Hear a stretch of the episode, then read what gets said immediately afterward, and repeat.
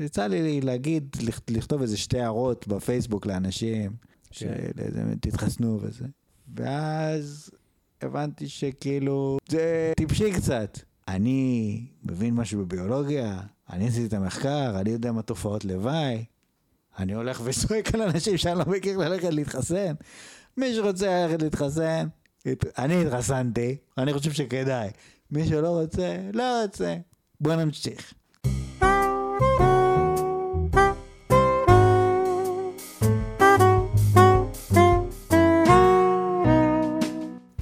אדם אקראי, הפודקאסט שאפשר בלעדיו.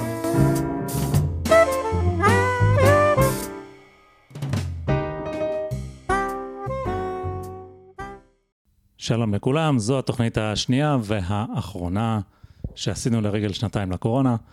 מי שרוצה, מומלץ להאזין גם לחלק הקודם, אבל uh, לא חובה. בואו נתחיל.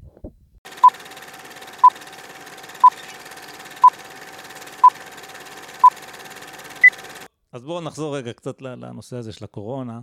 אתה מנסה להבין עד היום, כן, מה שהבאת קודם, האנשים שעדיין מתקוטטים בטוויטר, מה נכון או לא נכון לעשות, ומה בעצם המצב הקורונה, וכל מיני דברים כאלה. אז באמת, אחרי שעברו כבר אה, שנתיים, מאז תחילת הסיפור הזה, אתה אומר, אולי הגיע הזמן להפיק לקחים. בוא נסתכל, ננס, כאילו עשינו, ניסינו לעשות את זה קצת לפני שנה בתוכנית שעשינו על הקורונה, ואמרנו כל מיני דברים, וכמובן שאנחנו לא לוקחים אחריות על שום דבר מה שאמרנו, וגם אז לא לקחנו. וגם עכשיו, הכי חשוב, ה disclaimer, אני לא לוקח אחריות על כלום, אני רק מביא את הדברים בשם אומרם, ואומר מה שנראה לי, לא פחות ולא יותר. אז יצאו איזה כמה מחקרים ככה בארצות הברית, אה, כמו שאתה יודע, אני מתעניין בארצות הברית, וחיפשתי קצת חומר כזה על כאילו, אוקיי, יש לך 50 מדינות, יש את המדיניות הפדרלית, אבל יש גם את המדיניות של כל מדינה עם עצמה. אה, והאמת שהמון דברים מוחלטים ברמה היותר מקומית, זאת אומרת, כן לסגור, לא לסגור. זה דברים שבטח בתנאים הפוליטיים שהיו בזמן המגפה, בפדרלי לא ככה היה אפשר לעשות. וגם הנשיא שהיה ב-2020, כן, שזה טראמפ, הוא היה קצת מסוכסך עם עצמו אה, סביב הנושא הזה של הקורונה. אז uh, בכל מקרה, יצאו כל מיני מחקרים וכתבות על כאילו בדיעבד מי, מי צדק. אז אני הסתכלתי בעיקר על שני דברים, אחד זה איזושהי כתבה שמצאתי ב- באתר של בלומברג, כן, בלומברג הידוע מניו יורק, שהוא יודע הכל, ועוד איזה מחקר uh, של איזה מכון שנקרא National Bureau of Economic Research, זה מכון מחקר uh, מאוד מאוד רציני.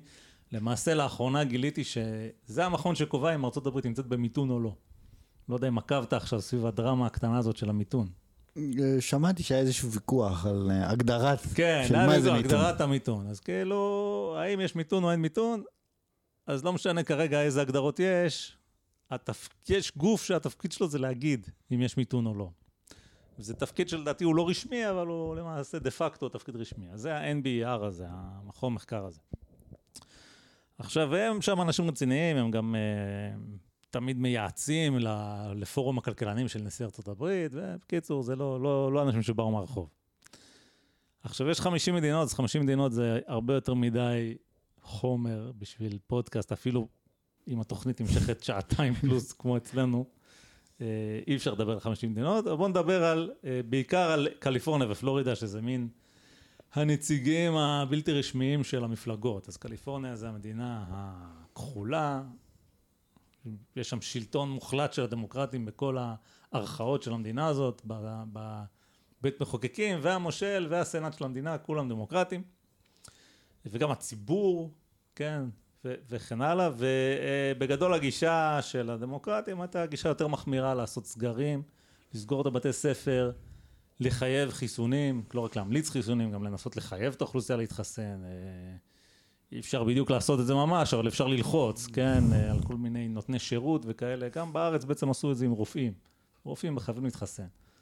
אז באמריקה זה לא רק רופאים, זה גם כבאים ושוטרים וכל מיני. ופלורידה לעומת זאת, הגישה הייתה יותר, אה, כאילו בגדול הרגישה של הרפובליקני והציבור שלהם טוב, יש שם אנשים בציבור שבכלל לא חושבים שיש מגפה וכאלה, אבל בגדול הגישה היא כאילו החופש האישי, אל תעשו סגרים, אל תגידו לנו, אני ארצה, אני אעשה חיסון, אני לא רוצה, אני לא אעשה חיסון, ואני גם לא מאמין לאף אחד שמדבר איתי בכלל על כלום, וחיסונים בפרט, אז... אוקיי, אז יש, אה, זה, זה בגדול ה... שני הצדדים שאנחנו מסתכלים עליהם, וגם צריך גם לזכור, אחת הסיבות להשוואה הזאת, שאני לא היחיד שעושה אותה, הרבה, תמיד כשמדברים על זה מזכירים את שתי המדינות האלה. כי בארצות הברית יש את המצב הזה שכל דבר הופך לנושא פוליטי בין שתי המפלגות. זאת אומרת, באמת, אני רואה את החיסרון הגדול של המצב הזה, שיש לך רק שתי מפלגות. אולי אפילו עדיף שיהיה לך רק מפלגה אחת. לפחות אז בתוך המפלגה אפשר uh, לעשות איזה דיון רציונלי על משהו.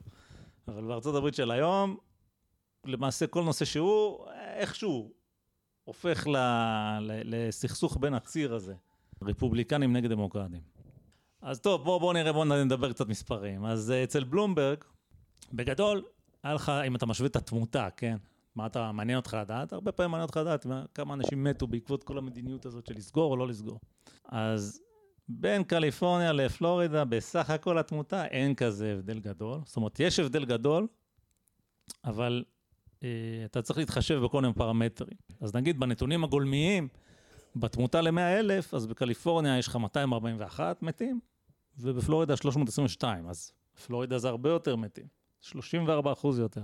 אבל זה לא, בוא נגיד, אפשר לטעון שזה לא נכון להשוות ככה, כי מצד שני, בפלורידה יש הרבה יותר זקנים, אז בטח שיש יותר מתים. אז אתה צריך לעשות איזשהו תיקון סטטיסטי כזה כן, או אחר. בגלל זה מסתכלים כאילו על תמותה עודפת בדרך כלל.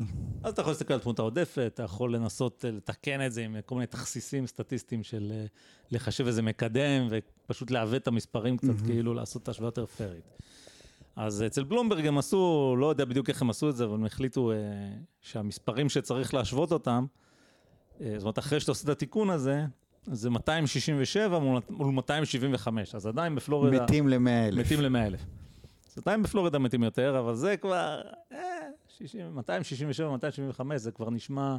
לא, הם לא התייחסו לזה ולא בדקתי את זה, אבל כאילו זה נשמע כזה בתחום הסטייה. אתה אומר, בסדר, שם אולי היה כן, קצת לא, פחות מזל. יותר מזה, גם יש 80 מתים יותר פר, פר 100 אלף בנתונים הגולמיים. כן. עכשיו, כמה אנשים יש בקליפורניה? לא, סתם, אני מדבר על, על, על הבערך, אוקיי? נגיד יש 15 מיליון בכל מדינה, יש 20 מיליון בכל מדינה, בערך. אוקיי. אוקיי? אז 100 אלף, תכפיל את זה ב-10 תקבל מיליון, תכפיל את זה ב-200, נכון? כדי לקבל כמה מתים יש פר אה, 20 מיליון. יש לך פר 100 אלף. אני רוצה לדעת אוקיי. כמה יש פר 20 מיליון. אז 100 אלף, אז, אז ההפרש הוא 80. נו, אני אכפיל את זה ב-200, אני אקבל... 1,600, 16,000. נו, מה עשית בזה? לא הבנתי. לא, אז עכשיו אני אומר, פחות או יותר על כמה אנשים מדובר בפועל. זאת אה, אומרת, אוקיי. 16 אלף איש. 16 אלף איש זה לא מספר קטן. לא, מתו בארצות הברית המון אנשים מקורונה, באופן יחסי, כאילו. כן. אז אני אומר, אם אתה מסתכל על, על ההפרש. לא, כי אני אמרתי, אולי ההפרש הגולמי הוא מספר נמוך, ואז כבר זה לא מעניין לא, מלכתחילה. לא, לא מספר נמוך. אבל זה 16 אלף, זה כבר יש פה, אוקיי, שאלה. בסדר. לא מספר נמוך. אה, בכלל, המתים בקורונה בארצות הברית זה לא מספר נמוך. לא משהו כאילו מפלצתי, זה לא אחוז מהאוכלוסייה, אבל זה די הרבה אנשים. בסדר, אז הפואנטה היא כזאת, בהשוואה הזאת, כשאתה מסתכל על, על פלורידה מול קליפורניה, שגם במדיניות הייתה שונה, וגם... אבל ברצ- אם זה, שמונה, זה ירד מ-80 ל-8, אז מורידים 0-1, אז זה 1,600, כן, זה כבר... אה, פחות או יותר. זה זה. כבר, זה, כן. שכאילו, מה זה 1,600? אה, כן. כן. אה, יש, אני אגיד לך, יש קצת בעיה בפלורידה וקליפורניה, כי, יותר מבעיה אחת אפילו, של שתי המדינות. כן, בהשוואות האלה. השאלה, רמת הצפיפות מאוד משנה פה. אם לכל אחד יש אחוזה, כל הזקנים, בסדר, הם זקנים, אבל קל להם מאוד סך הכל להיות מבודדים, פחות או יותר. זאת אומרת, אם תיקח למשל מדינה כמו הודו, אין לך, זאת אומרת, אין לך דרך לבודד אנשים. זאת אומרת, אנשים חיים אחד על השני, אוקיי. אוקיי? ולכן הווירוס יהיה לו הרבה יותר קל להתפשט. אז הרכב הגילאים הוא לא ההבדל הרלוונטי בהקשר הזה. זאת אומרת, לא, לא רק, לא רק הרכב הגילאים. זאת אומרת, גם אם בפלורידה כולם גרים באחוזות, ואתה יכול אה, להיפגש עם אה, קבוצה קטנה יחסית של אנשים, ואנשים לא צריכים ללכת לעבודה כי הם זקנים, כן.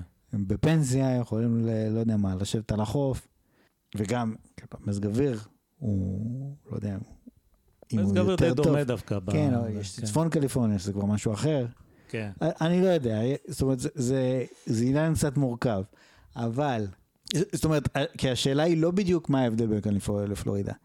השאלה היא, אם היו מתנהגים בקליפורניה כמו בפלורידה, מה היה קורה? אז, אז זו שאלה מורכבת, אני לא אומר שלא, אבל לפי המספרים שאתה מביא פה, זה נראה שקליפורניה, כאילו, נכשלה לעומת פלורידה.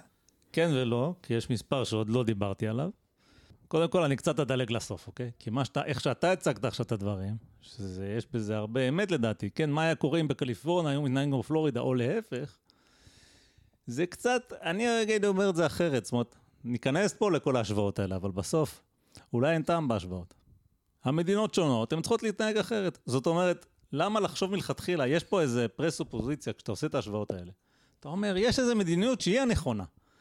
עכשיו, המדינות שונות אחת מהשנייה, פה יותר זקנים, פה יותר צפוף, פה יותר ילדים, פה יותר זה. כדי לנסות להשוות את מה שקשה להשוות, אני אעשה תכסיסים של סטטיסטיקאים. ואני אעשה, לא יודע, רגרסיות וסיפורים, אני לא מבין בזה. ואני אעוות את המספרים קצת כדי שהם יהיו ברי השוואה.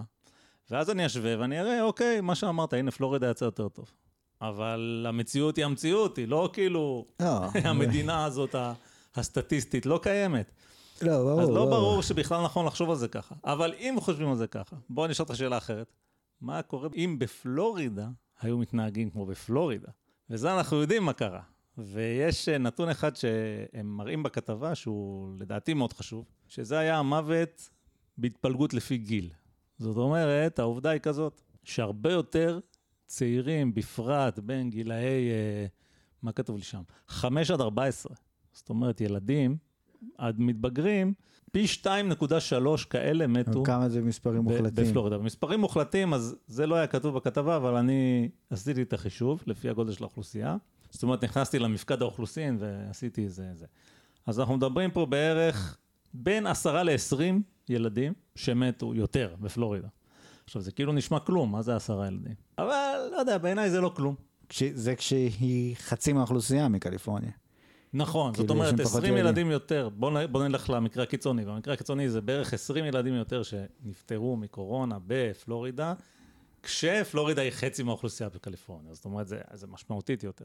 עכשיו, כאילו בכללי אין כזה הבדל גדול בתמותה, ראינו קודם, אבל כשאתה אומר, בואנה, זה ילדים שמתים, וילד שמת זה לא רק כאילו טראומה נוראית לכל מי שמכיר את הילד הזה, המשפחה הקרובה בוודאי, כנראה גם למעגל שני. לילדים שהם איתו בבית ספר וחבר שלהם מת, כן? שזה בטח משפיע עליהם. זאת אומרת, ההשפעה היא, אה, אתה יודע, מעבר לזה שזה טרגדיה שילד מת, גם זה מאוד הרסני כאילו לסביבה שהוא חי בה, או לכאורה, לא יודע, ב- ב- לדעתי, כן? זה, אני לא, לא חקרתי את זה, אבל מרגיש לי שזה זה מאוד משמעותי, וגם הפוטנציאל הכלכלי שאתה מאבד, גם בנקודת מבט מאוד מאוד אה, תועלתנית כזאת, שלא אכפת לה, זה ילד שהיה כל החיים לפניו, הוא היה עושה גדולות ונצורות, ועכשיו בעצם העולם, אה, אין, כל הפוטנציאל של הילד הזה נעלם בעצם. אז אני חושב שכשמסתכלים על הנתון הזה, פלורידה לא נראית כל כך טוב, אה, יחסית לקליפורניה, אבל אתה יודע, זה עניין של ערכים, אני פשוט שם את הדגש הזה לילדים, כי זה מרגיש לי הרבה יותר טרגי מאשר כשבן אדם מבוגר כן. בוא- בוא בוא ו- נגיד- בוא- בוא נגיד דבר זה כזה. יכול גם שהערכים שלך יהיו אחרים. בוא נגיד דבר כזה. נניח שפלורידה הייתה עושה סגר, כמו בקליפורניה, כן. אני לא מכיר את הפרטים בדיוק של הסגרים שנעשו, ההבדל אבל הגדול נניח מבחינת היו עושים צעירים זה שבפלורידה השאירו את הבתי ספר פתוחים. כל הזמן. וב... או רוב הזמן, ובקליפורניה סגרו אותם, רק לאחרונה התחילו לפתוח אותם. זאת אומרת, אה, אפילו יש שם איזה שערורייה קטנה בסן פרנסיסקו, יש להם משהו שנקרא סקול בורד, אוקיי. שזה מי שמחליט. אם פותחים את. הבית ספר או סוגרים את הבית ספר. אוקיי. שם באמת יש, בוחרים באופן דמוקרטי כאילו המון המון דברים, זה לא רק אה, נציגים לפרלמנט. ובסן פרנסיסקו היה איזה מין אה, סקופ כזה לפני, לא יודע, כמה חודשים, שפיטרו את הציבור בעצם, עשה מה שנקרא recall. זאת אומרת, הציבור אספו חתימות, יזמו בחירות מיוחדות, רק כדי לפטר את האנשים על ב school board של סן פרנסיסקו. למה?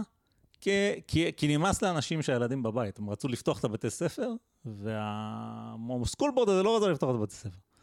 למה לא רצה? זה כבר, אתה נכנס לכל מיני אה, אידיאולוגיות ואינטרסים. אבל שורה תחתונה, הם פיטרו אותם, זאת אומרת, הציבור בקל... בסן פרנסיסקו ספציפית, לא, אולי לא בכל קליפורניה, אבל שם, באיזשהו שלב נמאס לו מהמדיניות הזו. כן. כי, כי, כן, כמו שאמרת, בסוף זה... אה, אנשים אומרים, ויש פה, מדובר על, אה, לא יודע מה, מיליוני ילדים, לא יודע. כן, ודאי מיליוני. מיליוני ילדים, מתו 40, נגיד מתו 40 יותר. אנשים אומרים, מקורונה עכשיו, זה- אני לא בדקתי כמה מתו בתאונות דרכים למשל, באותה שנה. כן. אולי יותר, אולי עכשיו פחות. אתה משווה את זה לשנתיים להיות בבית, אז, ש... אז אנשים אומרים, טוב, כאילו, בתאונות דרכים אנשים מתים כמו זבובים, כן? כן. עכשיו, בישראל מתים בערך 300 איש, 300 ומשהו איש בתאונות דרכים. אז בישראל הקטנה. בישראל הקטנה, כן, אני שגם לא יודע נוהגים. בה כמו מופרעים ויש בה תשתיות פחות טובות. אני לא יודע איך- המספרים באמריקה, זה לא כל כך חשוב, אבל אה, כשאתה מסתכל על המספרים האלה, אגב, אני הסתכלתי אה, על ההשוואה אה, בין שוודיה לישראל, כן.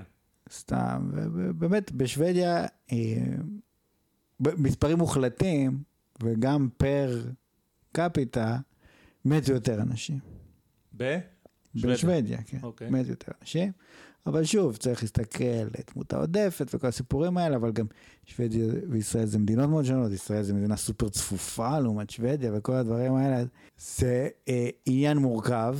השאלה היא, השאלה מה לעשות, היא, היא, כמובן, כמו שאמרנו פעם קודמת, היא שאלה ערכית של מה חשוב לך, כן. וכן, שאלה מורכבת, אבל זאת אומרת, גם אם אנחנו מסתכלים בדיעבד, זה, זה נשאר מורכב, זאת אומרת, לא כל כך ברור מה נכון לעשות. כלומר, אה, יכול להיות שסגר הראשון, שעוד לא הבנו מה קורה, הסגר השני, כן, ש, שזה עוד בהת- בהתחלה וכבר היה אה, כבר דיבור חזק על החיסון, אז זה כבר היו דברים שהם באמת אה, במקום. ולאט לאט זה איבד איבד מהטעם שלו. או, או זה בדרך, הפך להיות או פחות רלוונטי. אחרת. מה שאנחנו אומרת, חושבים ש- תמיד היה נכון. עכשיו היינו בעד הסגרים, אז עכשיו בדיעבד אנחנו אומרים שזו החלטה נכונה. אני ואתה. ובסוף כבר לא בא לנו על הסגרים, אז אנחנו אומרים, טוב שבאמת לא עשו סגרים. לא, אני אומר, בוא נגיד דבר כזה, כשזה היה הסגר הראשון, אז טוב, אתה אומר כאילו, יש אי ודאות מאוד גדולה. אז כן, פה אין נכון. כל כך, זאת אומרת, אתה בן אדם אחראי, ראש הממשלה, כאילו אומר, אוקיי, בוא, בוא, לעשות סגר זה בהחלט החלטה סבירה. כן. זאת אומרת, אני לא מדבר רק על מה אנחנו חשבנו, כי אני לא בטוח ידעתי מה התשובה, אני חושב שבגדול, איך שישראל התנהלה, בגדול, הייתה בהחלט בתחום הסביר, אוקיי? זאת אומרת, אני כן יכול להגיד שנראה שבסין, איך שהתנהגו מול האומיקרון, היה, זה קצת הגזמה. למעשה עד עכשיו הם ככה. כן, עד עכשיו הם ככה. עכשיו, אתה אומר לי, אם בסן פרנסיסקו שנתיים לא היה בית ספר, אז כן, אני חושב שזאת הגזמה. פרועה. מה כן. לעשות? זאת אומרת, אני לא מדבר איתך אז עכשיו... לא רק אתה חושב, גם, גם הציבור כן, עצמו... גם הציבור בסן אה, פרנסיסקו כן, מחליף את. הסקובוט, כי, כי יש גבול. זאת אומרת, בסופו של דבר, עכשיו שאנחנו עומדים מול האומיקרון, אז, אז זה כבר... זה, אנחנו ש- ממש שזה לא אגב איפה שהיינו ציבור ב... שהוא באופן כללי מאוד היה בצד של הדבר הזה. זה לא ציבור שבהתחלה, כשעשו את הסגרים, אמר, מה זה הסגרים האלה? לא, כן. זה ציבור שאמר, stay home, כן. stay safe, כל הדברים האלה. והם הם כאילו בצד, ואני מזכיר לך שבאמריקה זה נורא נורא פוליטי. כן. ואם אתה מהכחולים, אז אתה בעד סגרים ובעד חיסונים ובעד מסכות. לכולם, כולל כן. ילדים שזה, שזה וכולל דברים. דרך אגב, שהם לא קשורים. מה, לא הבנתי. בעיקרון, אתה יכול להגיד, אוקיי, אני מאוד בעד שילכו עם מסכות, כן. אבל אני נגד סגרים. יכול להגיד... אתה יכול, כן, אתה יכול להגיד כל מיני דברים, אבל בפועל ה- העובדה היא שיש קורלציה. מי שבעד לא, אבל זה, הוא בעד זה. קורלציה, כן.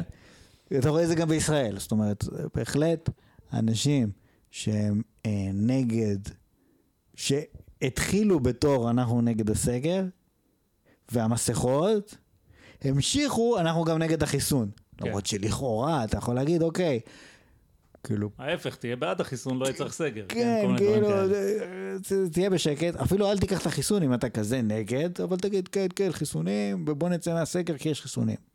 כן. זאת אומרת, בסופו של דבר נשחק לטובתך, הרי אמר את זה פרופסור לאס הידוע, הוא אמר, כן, החיסונים לא יעזרו בכלום, אבל לפחות זה יוריד לאנשים את הפאניקה, ואז יהיה אפשר לפתוח הכל. כן. אז זאת לכאורה הגישה הנכונה, ומסכות, כאילו, בסדר. אה, מסכות, כאילו, זה כזה נורא. אז. תלוי את מי אתה שואל, אם אתה לא, שואל את החבר'ה של טראמפ, אז אה, מסכות לא, זה דבר הכי נורא נכון, נכון, בעולם. אני- אני- אבל כן. בסופו של דבר, באמת, זה אני כאילו בטוח בצורה אובייקטיבית.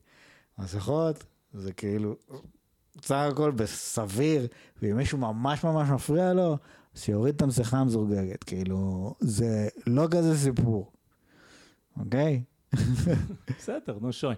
אבל, אבל באמת נוצר, נוצרו בו שתי המחנות האלה, שמבטלות כל אפשרות לאיזשהו שיח רציני, הגיוני וסביר בהקשר הזה. כן, אני חוזר לנקודה הזאת, שמה שראינו פה זה משחק ילדים באמת, לעומת ה... ככל הנראה, לא הייתי שם, אבל מרחוק, זה נראה ש... שבאמריקה, בגלל הכיתוב הפוליטי ובגלל שכל דבר מתארגן לפי הכיתוב הפוליטי, אז זה עוד יותר מופרע, עוד יותר אי אפשר לדבר, וכאילו, יש התלכדות בין המחנות השונים, מה שבארץ אין כל כך למרבה המזל, לפחות זה אין פה. יש פה מספיק צרות אחרות. אני יכול להגיד לך גם שאני מכיר אישית, אני מכיר חברים אה, מקנדה, כן, שעברו לפלורידה.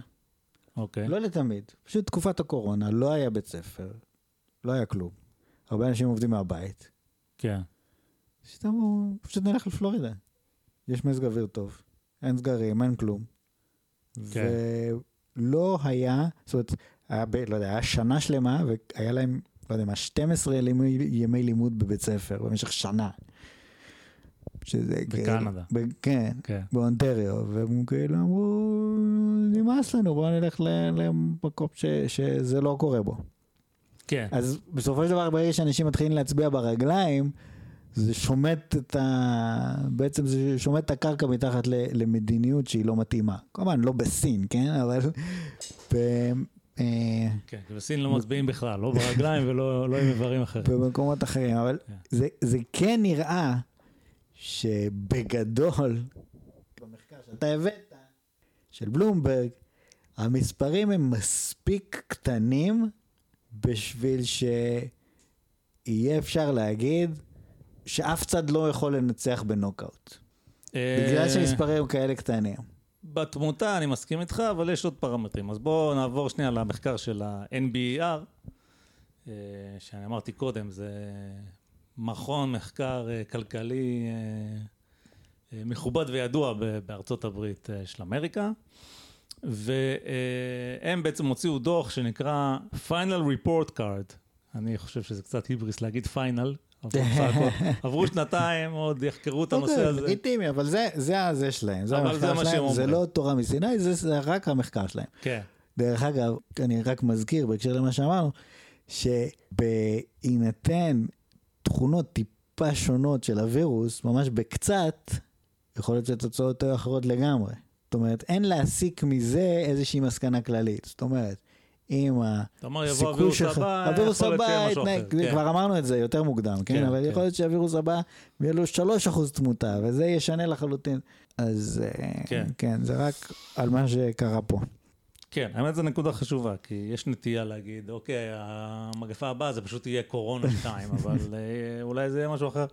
טוב, אז הם ב-MBR עשו איזה מין מחקר שהם השוו את כל המדינות ב- באיחוד, האיחוד האמריקאי אני מתכוון, לא האיחוד, בדרך כלל אומרים, מתכוונים לזה. אז אמרתי 50 מדינות זה קצת too much, אבל הסתכלתי על, אה, אמרנו קליפורניה, פלורידה, זה ככה שתי החביבות הקהל, ובשביל שקצת לפלפל הוספתי את אה, טקסס וניו יורק. עכשיו, מחקר של ה-MBR עשו, השוו בעצם בשלושה מדדים ונתנו איזשהו ציון כולל. אז מדד אחד זה היה מה שאמרנו קודם, התמותה. תמותה ותמותה עודפת, זה בעצם המדדי בריאות נקרא לזה, כן. ש, שהסתכלו עליהם. יש מדדים כלכליים, שאם אני לא טועה זה אה, ה-GDP, זאת אומרת הת- התמ"ג מה שנקרא, של המדינות השונות. אה, נדמה לי שגם אה, תעסוקה, כן, היה להם גם unemployment. והתחום השלישי זה חינוך, שם הם בגדול ספרו כמה שעות לימוד הילדים קיבלו, והם עשו מין, אה, גם, בסופו של דבר זה עניין שרירותי, אבל הם ספרו שעה בבית כחצי משעה פרונטלית, אוקיי? אז בבית זה כאילו פחות טוב מאשר, אה, שאני חושב שכולם מסכימים על זה פחות או יותר. עכשיו בואו נתחיל עם השורה התחתונה. אז בדירוג הכללי שלהם, שמשקלל בעצם את כל הציונים האלה, כלכלה, בריאות וחינוך, אה, יש די נוקאוט, זאת אומרת, פלורידה מקום 6 מתוך 50. כן, רק, רק אני אגיד מילה על, על, על ה adjustment הזה של המדד. זאת אומרת, אמרת, כאילו יש כמה מדדים ששקללו אותם ביחד. עכשיו, כן. כל מדד בנפרד, עשו לו adjustment. נגיד unemployment, הם אומרים, יש מדינות כמו נגיד הוואי, שנסמכת על תיירות. כן. אז הם, אנחנו מצפים שתהיה אה, פגיעה קשה יותר רק מעצם זה שהם אה, נפגעו, רק בעצם זה שהם מבוססים ברור על תיירות. שתיירות נפגעת יותר מהקורונה מאשר אה, כן. הייטק. אז הם אומרים, אנחנו רוצים כאילו לנטרל את ההשפעה של זה. נכון. אז מה שהם אומרים, זה אומרים, אוקיי, כמה צפוי, כמה אה, מדינות בממוצע, פחות או יותר, נפגעות פר אחוז מהאוכלוסייה שעוסק בתיירות, נניח אם ה-20% מהאוכלוסייה עוסקת בתיירות, כמה אנחנו מצפים שהכלכלה תיפגע על כל אחוז כזה. ניתן לזה איזה מקדם, ואז לכל מדינה יהיה מספר למה אנחנו מצפים. כמה היא תיפגע לפי אחוז האנשים שעוסקים בתיירות. כן. זה פחות או יותר הם עשו את זה, עשו איזה רגרסיה ליניארית למצוא את המקדמים האלה, אבל זה לא כל כך חשוב. בסוף, הם עשו, את- זה ה adjustment שהם עשו, הם עשו את ה adjustment לאיזה, ל hospitality ול oil, זה רק לאיזה שני דברים, הם לא עשו את זה להכל, בהקשר של ה-unemployment. זאת אומרת, המודלים שלהם הם, הם סך הכל אה, די פשוטים יחסית. כן, הם שזה לא- לאו דווקא- לאו דווקא לגנותם. לא, זה לזכותם, זה. לזכותם. כן, זה, זה לא איזה 100 פרמטרים של לך תדע מה קורה שם, כן. זה, זה, זה פשוט ובהיר מה, מה, מה כאילו הם עשו. אה, כמובן, שוב, זה לא תורה מסיני, זה רק הזווית שהם הצליחו להעיר על העניין הזה. כן. עכשיו, זה כן נכון, מה שאמרנו קודם, אם אתה רוצה להשוות מדינות, והן שונות, אתה חייב לעשות את ההתאמות האלה, אחרת אין טעם כל כך בהשוואה שלך. מה שאולי רומז שאין טעם בהשוואה ועדיף אולי לא לעשות את ההשוואות, אבל נגיד שאתה רוצה להשוות, אתה אנחנו צריך לעשות איזה מנסים תכסיס להבין כזה. משהו ונראה מה מה סבבה. זה. אז בדירוג הכללי, אז בגדול אה, פלורידה מובילה במקום 6, טקסס 25, קליפורניה 47, ניו יורק 49, זאת אומרת מתוך 50, יש 50 מקומות בטבלה הזאת, כן? מתוך 50 מקומות, בגדול שתי המדינות הכחולות, הדמוקרטיות, הקפדניות מאוד עם הקורונה, עם הסגרים והמסכות וכל הזה, די על הקרשים.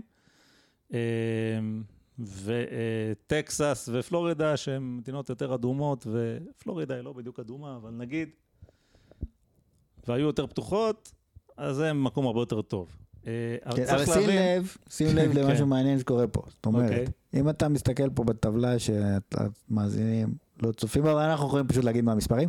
כן. אז בניו יורק, הם, יש להם הכי הרבה מתים פר מאה אלף. כן. מקום אחרון. adjusted, כן, אחרי התיקון. מה מיוחד בניו יורק?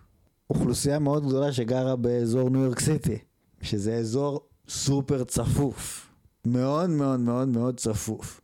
וזהו. כן, וזהו. זאת וזה, אומרת, וזה אגב מדד שהם לא התחשבו בו. כן, זה זאת אומרת, מדד שהם לא יכול חשבו להיות בו. שהוא, שהוא עכשיו, מסביר הכל. יותר כן. מזה, יותר מזה. שיכול להיות שהחץ הוא הפוך. ככל שיש יותר מתים, ככה יש יותר הגבלות. זאת אומרת, אם בפלורידה התחילו עם מעט הגבלות, וראו שהשד לא נורא כל כך, כי, אתה יודע, יש, בסופו של דבר יש את כל הזקנים שהם פחות או יותר לא מתחככים באוכלוסייה כל כך, כי לכל אחד יש מרחבים, הם לא חייבים ללכת לעבודה, הם יכולים להיות כאילו עם החבר'ה שלהם במין קבוצה סגורה כזאת. אני לא יודע אם זה באמת המצב, אני רק מעלה השערה, כן. אוקיי? וכאילו, הכל בסדר. וגם אם, אה, אתה יודע, גם אם אתה גר במיאמי, אז אתה יכול הרבה להיות בחוץ. מה שבניו יורק, בחורף אתה חייב להיות בפנים. זה, זה מאוד משנה את הדינמיקה. אז, אוקיי, אז אה, אין הרבה מתים, הבתי חולים לא עמוסים, אין צורך להטיל הגבלות. ואילו בניו יורק זה הפוך. כן, וגם ואז- ניו יורק זה הנמל הבינלאומי הכי גדול. אני חושב, אני, אני לא לא אתפלא יודע, אם יש איזה פער קטן אבל- בזמן בין, לא, אה, לא, לא, לא, אני אני זוכר לא שהגיעו ה- הסיפורי זוועות על הקהילות היהודיות בניו יורק, שהיה שם הרבה מאוד מתים. כן. וזה זה היה די בהתחלה, וזה זה- היה די בהתחלה, אז אני אומר, לא, יכול להיות שאתה צודק, ש- כשזה קורה לך כזה דבר, אז אתה נכנס לפאניקה, ואתה, וואלה, עושה סגרים. כן, כן, ושלא קורה, אז, בעצם אתה לא יכול להגיד מה היה קורה אם לא הייתי עושה את הסגרים. זאת אומרת, אה, אה, אתה לא יכול להגיד משהו כזה, בפלורידה לא עשו סגרים והכל היה טוב. מסקנה, כן, סגרים רק עושים את המצב, נגיד, יותר גרוע. אבל לא, הסגרים באו כתוצאה מהתמותה. כן, עכשיו, מעבר לזה, גם יש פה, יש את כל המימד הזמן שלא כך מוזכר במחקר הזה. זאת אומרת, אם אתה רוצה להתחיל, בדיוק כמו שאתה שואל, מה בא לפני מה, ופה אולי היה הרבה מתים, ואז היה מאוד הגיוני לסגור, ואולי טוב שסגרו באמת, בניגוד לתמונה שמצטיירת כאילו מהמחקר של ה-MBR שלא טוב שסגרו. יכול להיות שאתה בהחלט צודק, ופשוט זה לא מופיע במחקר הזה, ואני לא יודע את התשובות. יכול להיות שאם אתה מצייר כל מיני פרמטרים כפונקציה של הזמן, ואתה מתחיל לתהות. על הקשרים הסיבתיים, בדיוק. זה מה שבטוח שזה נורא מסבך את התמונה ויהיה לך קשה להבין מה טוב ומה לא, אבל אני מאוד מסכים שזה בהחלט אה, אה, יכול להסביר המון דברים. anyway, אז אמרנו ב, ב, אה, בדירוג הכללי, קליפורניה וניו יורק מקומות מאוד נמוכים בטבלה. שוב, זה רק הדירוג במחקר, זה לא אומר שזה מה שנכון, אבל זה מה שהמחקר הזה אומר. אה, יש פה גם עוד איזה הטיה קצת מראש, ברגע שאתה לוקח את הפרמטרים הכלכליים, כן? ואתה אומר, אני נותן ציון שווה לתמותה ולכלכלה. ויש גם קורלציה בין כלכלה לחינוך, כי ברור שאם הבתי ספר סגורים, אנשים לא כל כך יכולים ללכת לעבוד, כי הילדים בבית. אז הדברים האלה הם גם לא כך בלתי תלויים, החינוך והכלכלה. ו-obviously, אם אנשים חופשיים ללכת לעבודה, הכלכלה תהיה במצב יותר טוב. זאת אומרת, יש פה איזשהו הטיה מראש של הדירוג שאומרת, מי שלא סגר והכלכלה שלו לא נפגעה, סבבה לו. כמובן שהיה עלול להיות מצב שלא סגרת, והווירוס הוא כזה קטלני, שהיה הורג את כולם, והכלכלה שלך הייתה נפגעת גם, וזה רק בדיעבד אנחנו יודעים שזה לא קרה. אז עדיין יש טעם בעניין הזה, מצד שני, בדיעבד התמונה גם טיפה מוטה, ואת המחקר גם עשו בדיעבד. אז, אה, לא יודע. אה, ויש כאן עוד משהו שחשוב לזכור, שזה שכאילו קליפורניה וניו יורק שם במקום 50, ב... בין היתר בגלל הציון הכלכלי הנמוך שלהם, זה מדינות הרבה יותר פרודוקטיביות ועשירות מפלורידה וטקסס, לא, לא, אולי לא יודע, הרבה יותר, טקסס היא גם, יש לה GDP מאוד גבוה, אבל זה רק, ה-GDP נפגע, כן? אבל קליפורניה זה מדינה הרבה יותר עשירה מפלורידה. אז היא גם יכולה להרשות לעצמה לספוג יותר. אז גם זה יכול להיות שיקול ש... שאולי צריך לחשוב עליו. והיא יותר עשירה כי הם אנשים יותר פרודוקטיביים מהחבר'ה בפלורידה. פלורידה אין כלום, כן, יש שם תיירות וזקנים, זה פחות או יותר התעשיות שם, זה לא כאילו קליפורניה שיש לה מגוון תעשיות. אמ, אז אולי אני מגזים, אין כלום, זה קצת הגזמה, לא חשוב. אז בכל מקרה בהשוואה הזאת, אז כאילו האדומים מנצחים. אמ, שוב, אם אתה מסתכל על העניין הזה של לפי קבוצת גיל, כן? אתה לא מסתכל על הסך הכל, יש את העניין הזה שמתו יותר צעירים בפלורידה, ואפשר אולי לקשור את זה למדיניות, גם תמיד נשאלת השאלה, מה הקשר בין מדיניות הממשלה לבין מה שקורה בפועל, אבל בפלורידה הם, כן, הם פתחו, וזו המדיניות המוצהרת שלהם, שלקחת צ'אנס על הצעירים, וגם עודד, עודדו צי, ילדים בריאים לא להתחסן, אה, ובהחלט מתו שם 40 אחוז יותר צעירים. בטבלאות האלה של המחקר של MBR, והם לא מדברים על זה במחקר. זאת אומרת, כן יש את הטבלה, הנתונים נמצאים, אבל אף מילה. לטעמי האישי, אני חושב שזה שיקול חשוב, מוות של צעירים, ולא יודע למה לא התייחסו אליו. אמ, אוקיי, תמותה עודפת זה גם משהו ש, שהם הסתכלו עליו, ויש תמותה עודפת אה, אה, רצינית ב, בכל המדינות האלה, 18 אחוז. בקליפורניה ופלורידה, ו-19% בניו יורק ו-22% בטקסס. אז הרבה תמותה עודפת. אבל צריך גם לשים לב שנגיד בקליפורניה אמרנו היה את הסגרים ובאמת מתו פחות צעירים, אבל מקורונה הם מתו פחות. לעומת זאת, הפשיעה האלימה מאוד טיפסה בזמן הזה.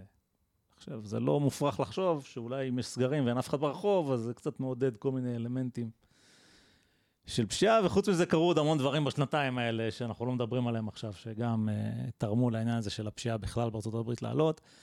אז חלק, התמותה העודפת של הצעירים, לפחות חלק ממנה אולי מוסברת בעניין הזה של הפשיעה. כי אנחנו מדברים שוב על עשרות וכן הלאה, זה מספרים שבהחלט פשע גם יכול להסביר. אמ, טוב, יש את העניין הזה של הכלכלה, אז כלכלית זה די ברור, המדינות שלא סגרו נפגעו פחות. אמ, אז ניו יורק נפגעה הכי חזק, מינוס 4 אחוז, מינוס 4.4 אחוז צמיחה, זאת אומרת צמיחה שלילית, כולם צמיחה שלילית, אבל ניו יורק הכי הרבה, מינוס 2 אחוז קליפורניה, מינוס אחוז וחצי פלורידה, מינוס 1.1 אחוזים בטקסס, אמ, וזה שוב, זה השינוי של התמ"ג. עדיין התמ"ג של קליפורניה הוא הכי גדול ב... בארצות הברית, וזו מדינה, הכלכלה שלה יותר גדולה משל בריטניה או משהו. כאילו, זו מדינה מאוד מאוד מאוד uh, עשירה ו- ומצליחה. Um, טוב, בסך הכל, אם מסתכלים על כל החמישים מדינות, יש איזו מגמה מסוימת שהמדינות היותר אדומות, אדומות זה רפובליקנים, כן? Um, בשקלול הזה של הציונים הם במצב יותר טוב, בגדול. זאת אומרת, יש הרבה אדומות למעלה והרבה כחולות למטה, ויש גם ערבוביה באמצע. אמ, זה כאילו התמונה שבגדול מתקבלת. הייתי אומר, אתה יודע מה, עכשיו שאנחנו מסתכלים על זה, ממש במקומות הראשונים יש לך די חצי-חצי, אבל במקומות האחרונים, כולם כחולים. אז uh, יש כחולות טובות ויש כחולות פחות טובות. אולי זו הדרך להסתכל על זה. אני אגיד לך, יש פה יש פה איזה עניין בהקשר הזה. בישראל, פחות או יותר, ההתנהלות השתנתה שהתחלפה הממשלה, פחות או יותר. זאת אומרת, בנט וניצן הורוביץ היו כאילו נחרצים, לא יהיה סגר. כן. לא יהיה. זאת אומרת, גם כשהיה עוד איזה גל והמספרים עלו ואומיקרון ולא יודע מה, אמרו לא יהיה סגר. בעוד אצל ביבי, זאת אומרת, מהרגע שהתחלת עם, עם מדיניות מסוימת, אז הדבר הכי קל זה כאילו להישאר איתה. כן, זה, זה מין כזה... למשל מה שעושים בסין. כן, זה כאילו אינרציה פשוט, כן. של ההתנהלות. זה מין כזה, טוב. גם אינרציה וגם אתה לא, אמרתי לא קודם, רוצה, אז עכשיו כן, אני אגיד אחרת. אתה לא רוצה לזגזג, למרות שביבי יודע לזגזג כשצריך, אבל... אז, אוקיי. אז בהקשר הזה, ההחלפה של הממשלה בעצם אפשרה את זה. עכשיו, אני לא יודע מה קרה במדינות האלה. זאת אומרת, התחלף מושל במי, אצל מישהו? לא. לא. כאילו, אני לא יודע לגבי טקסס וניו יורק. אה, בניו יורק כן התחלף המושל מסיבות אחרות, וזה היה לא כל כך מזמן גם. אה, נכון, אבל, כן, היה איזה אה, משהו. בוא נדבר על קליפורניה ופלורידה, אז התשובה היא לא. זאת אומרת, גאווין ניוסום היה המושל, נשאר המושל, וגם רון דה סנטיס. אוקיי, אז, אז כן. כשאתה נגיד בא ואומר, אני הולך על סגרים. ואז ואני כן חושב שגם שתי המדינות האלה לפחות היו די עקביות במדיניות שלהם, רוב הזמן. כן. כן. או לסגור או לא לסגור. עכשיו, כשבאים ותוקפים אותך כנגד הסגרים, או שאומרים, או תוקפים אותך שאין סגרים, מאוד מאוד קשה לך לשנות את המדיניות, כי אז אתה בעצם אומר, אוקיי, המתנגדים שלי צדקו, אני יוצא פרש. אוקיי. לפוליטיקאי זה בעייתי מאוד. כן. הרבה יותר קל בעצם לשנות את המדיניות שבה פוליטיקאי אחר. ואז הוא אומר, אוקיי, אני כאילו, אין לי בעיה לשנות לאור, לאור הנסיבות, כי אוקיי, הנסיבות השתנו ואני משנה. אבל כשלא מתחלף, הוא לא רוצה לתת ניצחון למתנגדים שלו. אבל, מה שאתה אומר זה כאילו מאוד בעיה. נכון, אולי זה בפלורידה יש בזה משהו, אבל בקליפורניה, איזה מתנגדים? כאילו, לא, אני מניח שיש מתנגדים... אה, מועמד רפובליקני לא יכול לנצח בקליפורניה. שוורצנגר היה רפובליקני. זה היה מזמן, וזה היה שוורצנגר. זה לא יכול לקרות היום בשום אופן. יכול להיות אולי בתוך המפלגה הדמוקרטית איזה טוען לכתר, אבל זה אה, כשיהיה לא, בחירות, ובינתיים אין בחירות. אני לא מבין מספיק, אבל אני לא, אומר, אפילו אם זה כמה אנשים בטוויטר, עדיין יכול להיות שהוא אומר, אה, אני לא הולך לתת להם את הניצחון הזה, נשאיר את הבית ספר סגור. לא, זה יכול לקרות, זה לא, בני אדם. זה יכול לקרות, אני לא חושב שזה... אני... קליפורניה די עקבתי, התחושה שלי מרחוק, אני לא גר בקליפורניה, יכול להיות שאני טועה לגמרי, התחושה שלי מרחוק, שלפחות, בוא נגיד, במקומות שקובעים, שזה הערים הגדולות, ברור שברורל קליפורניה, ששם השלושה רפובליקנים שגרים בקליפורניה גרים שם, אז הם מלכתחילה שנאו אותו, אבל הם לא אלה שקובעים. מי שקובע זה מי שגר בערים הגדולות, ואני לא חושב ש... שהיה שם אופוזיציה רצינית anyway. ואל תשכח את היריבות בתוך ארצות הברית. זאת אומרת, אנחנו, אם כבר זה הפוך על הפוך, לא לתת את הניצחון לאדומים במדינות האדומות, כן. לא ליריבים הפוליטיים שלי פה, כי... כן. וזה כן נכון, שבן כן. אדם כמו גבי נוסום, שהוא לדעתי, אני סוטה מהנושא, נראה לי שהוא ירוץ כאילו לנשיאות בעוד שנתיים, כי הוא די כזה פר... דמוקרט עם פרופיל גבוה, והוא בגיל המתאים, והוא נראה טוב, וזה הזמן שלו להיות נשיא, אם הוא לא יעשה את זה עכשיו, מתי הוא יעשה את זה? כן מסתכל על זה. יכול להיות מאוד. אנחנו מייצגים פה את, ה... יכול להיות, את הדרך חיים שלנו, ו... יכול להיות. והאדומים זה, זה הדרך החיים השנייה להיות. שאנחנו לא, לא מה שאני אומר, מסכימים. העובדה שאין, שהדיון הוא סוטה מהקו הענייני והופך לפן הפוליטי, גם משפיע על ההתנהלות. לא, זה בוודאי. אין ספק שהפוליטיזציה של המגפה הייתה כאילו... אולי עדיין, אני לא יודע, כבר לא מדברים על הקורונה בעוכרינו. בעוכרי האזרחים. בעוכרי כולם, וקיצונית מאוד ב... בארצות הברית. כמו כל דבר שם הוא מאוד מאוד אה, פוליטי. טוב, יפה. עכשיו עוד משהו מעניין במחקר של ה-NBR. שהיה די מעניין לראות, הם ציירו גרפים כאלה של... בעצם מציירים נגיד את כל המדינות, ואז בציר X יש לך את המדיניות ה... הסגר, כן? ובציר Y את הציון הכלכלי נניח. ואת הציון של הבריאות ואת הציון אה, של הבתי ספר, של החינוך. ובכל שלושת הגרפים, בגדול, כשאתה מסתכל בעין, זה מפוזר למדי. זאת אומרת, יש איזה קו מגמה, כן, אם לא סגרת, אז הכלכלה יותר... זה הקו הכי חזק, זה שאיפה שלא היה סגרים, הכלכלה הייתה יותר טוב. אה, אוקיי, צפוי. ובחינוך ובתמותה, הקשר הוא חלש. וגם בכלכלה הוא לא כזה חזק.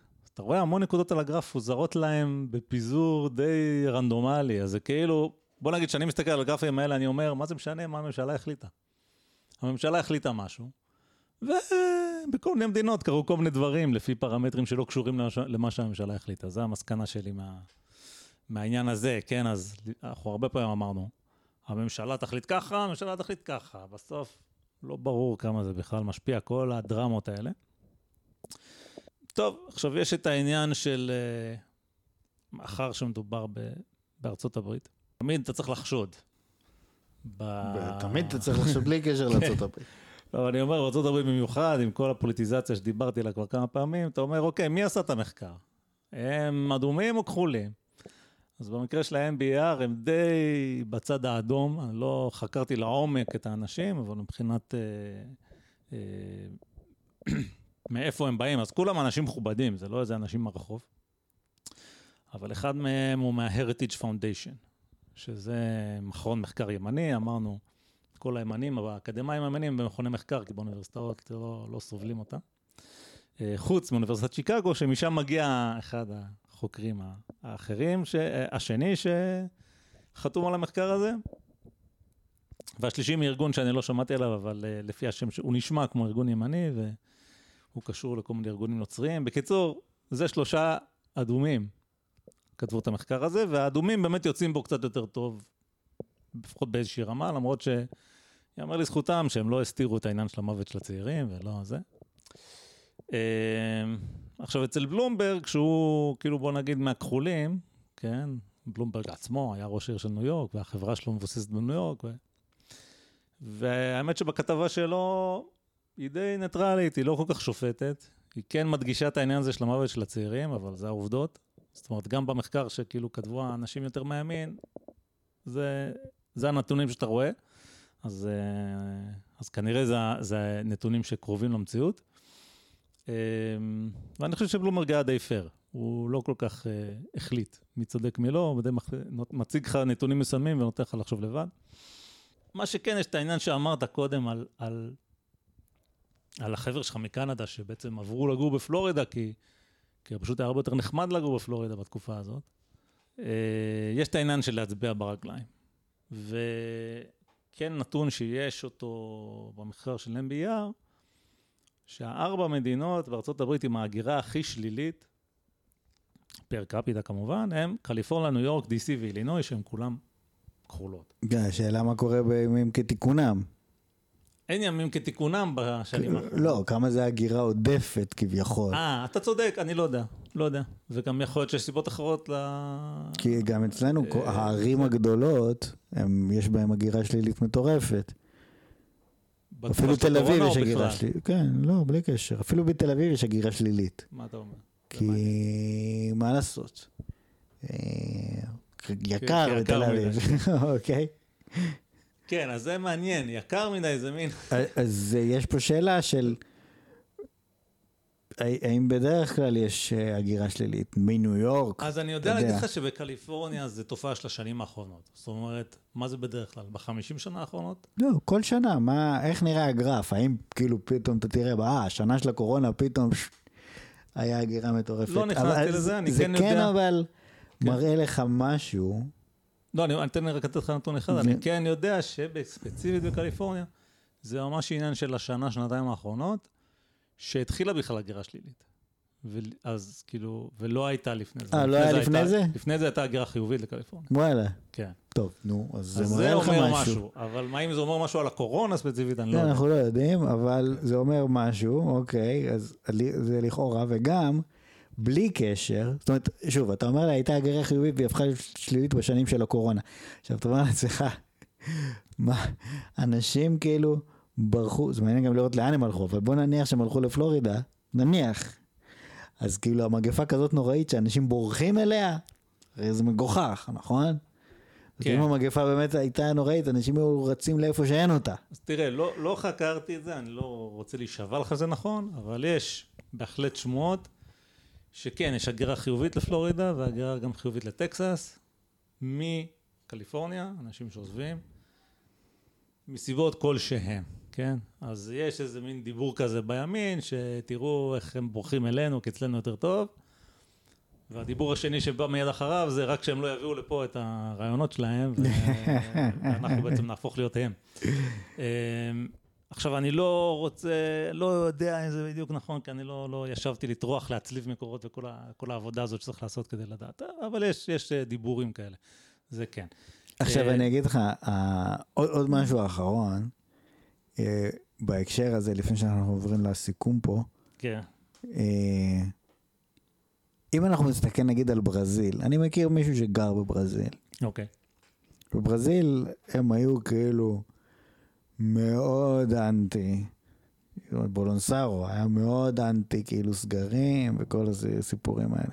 כן, ממש מההתחלה, זאת אומרת, הוא הרבה יותר קיצוני משוודיה, נגיד, שבשוודיה גם היו הגבלות, והם תמיד אמרו, אנחנו הולכים לפי ההנחיות, אנחנו לא עושים, אנחנו לא, לא יודע מה, איזה מיליטנטים בעניין הזה, אנחנו פשוט אה, אנחנו משתדלים לעשות הכי טוב בהתאם להנחיות. אה, ואם אתה תשאל מישהו שסתם ככה גר בברזיל, אז הוא יגיד לך, וואלה, הכל סך הכל בסדר. זה בולסונארו, לא בולונסרו. כל פעם אתה אומר בולונסרו. בולסונארו. בולסונארו. או, אז אומרים לך מה? אז אתה, אומר, וואלה, הכל סביר, הכל סביר. מתו הרבה אנשים? מתו, כן, הרבה אנשים. אני עדיין חי. הכל בסדר.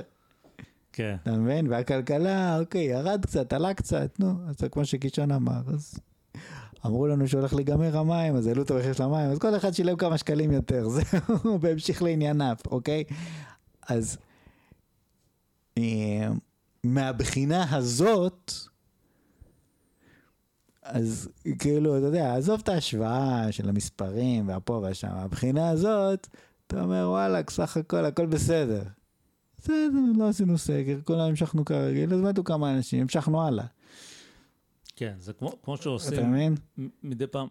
יש את הכתבה הזאת בעיתון, שאני לא יודע אם זה נכון או לא, אבל ראיתי את זה לא פעם, שבכל מיני סקרי עושר כאלה, אז הולנד זה המדינה הכי מאושרת בעולם, וישראל זה מקום די גבוה, כאילו כן, לא רע. תשיעי כזה, כן, כן. לא רע, תשיעי, אתה אומר, מה זה, אבל כולם פה שונאים אחד את השני, כולם עצבניים, אז איך יכול להיות תשיעי? אז אני לא יודע אם זה נכון שתשיעי או לא, אבל נגיד שכן. אז כאילו, בסדר, הכל חרא וזה, אבל איכשהו אנשים מבסוטים למרות הכל. או בוא נגיד, אולי מה שחשוב למה שעושה אנשים מאושרים, זה לא ה... whatever, ה-GDP per capita, או, או, כל מיני מדדים כאלה שאתה משווה אותם. אז זה גם יכול להיות, כן. יכול להיות שבברזיל, אה, whatever it is, התוצאות לא היו הכי טובות בכל מיני השוואות אובייקטיביות כאלה לכאורה, אבל אנשים בסדר, אז מה אכפת להם? כאילו, הם מרגישים שבסדר. כן, זאת אומרת, אנחנו לא רואים אה, שהמדינה קרסה, ברזיל נגיד ספציפית, או אפילו אה, פרו נראה לי זה עם התמותה העודפת הכי גבוהה לפי המחקר של קרלינסקי, שלא יודע מה, שהיה שם איזה הפיכה צבאית, והגנרל שנכנס אמר, אוקיי, מעכשיו עושים סגרים כדי שהווירוס כן. לא יהרוג אותנו. אנחנו לא רואים דבר כזה. כאילו פה עשו יותר סגרים, פה עשו פחות סגרים, בסוף כל האנשים איכשהו, אוקיי, יופי, הכל בסדר, בוא נמשיך. כן. אז, אז יש פה, יש פה שאלה מאוד קשה לגבי העניין הזה של התמיכה בסגרים. זה נראה לי הכל עניין של מידה, בסוף. זאת אומרת, יש מידה מסוימת שהיא סבירה, ומעבר לה זה כבר מוגזם. ואני חושב שזה...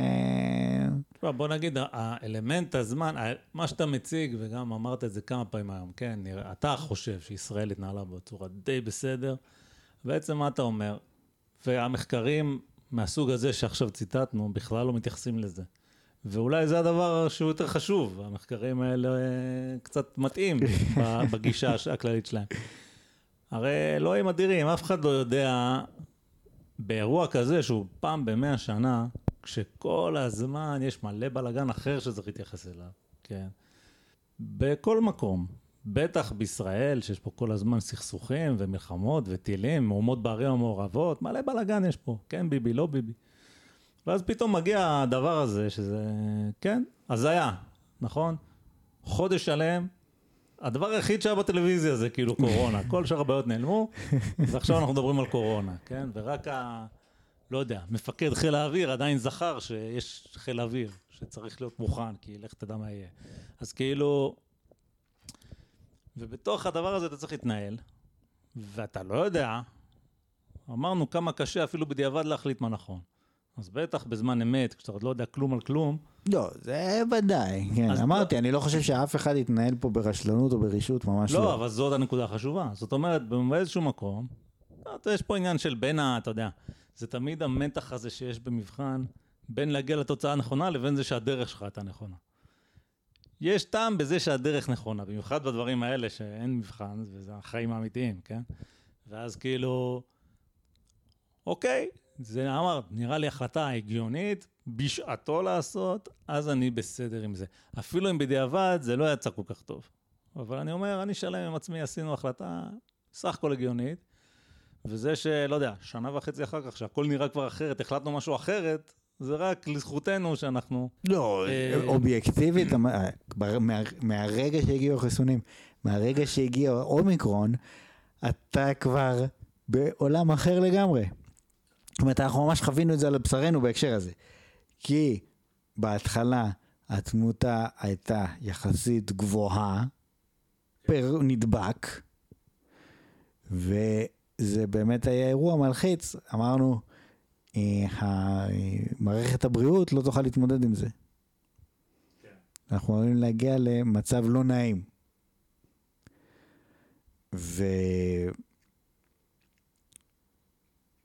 ואחרי שיש חיסונים, ואחרי שיש אומיקרון, ואחרי שיש פלאג פקסלוביד, שזה עם התרופה, וגם יש את הנוגדנים המונוקלונליים, למרות שזה הרג'נרון הזה, למרות שזה יותר נגד הדלתא, אבל אה, אחרי שיש את כל הדברים האלה, זה כבר תמונה אחרת, לחלוטין.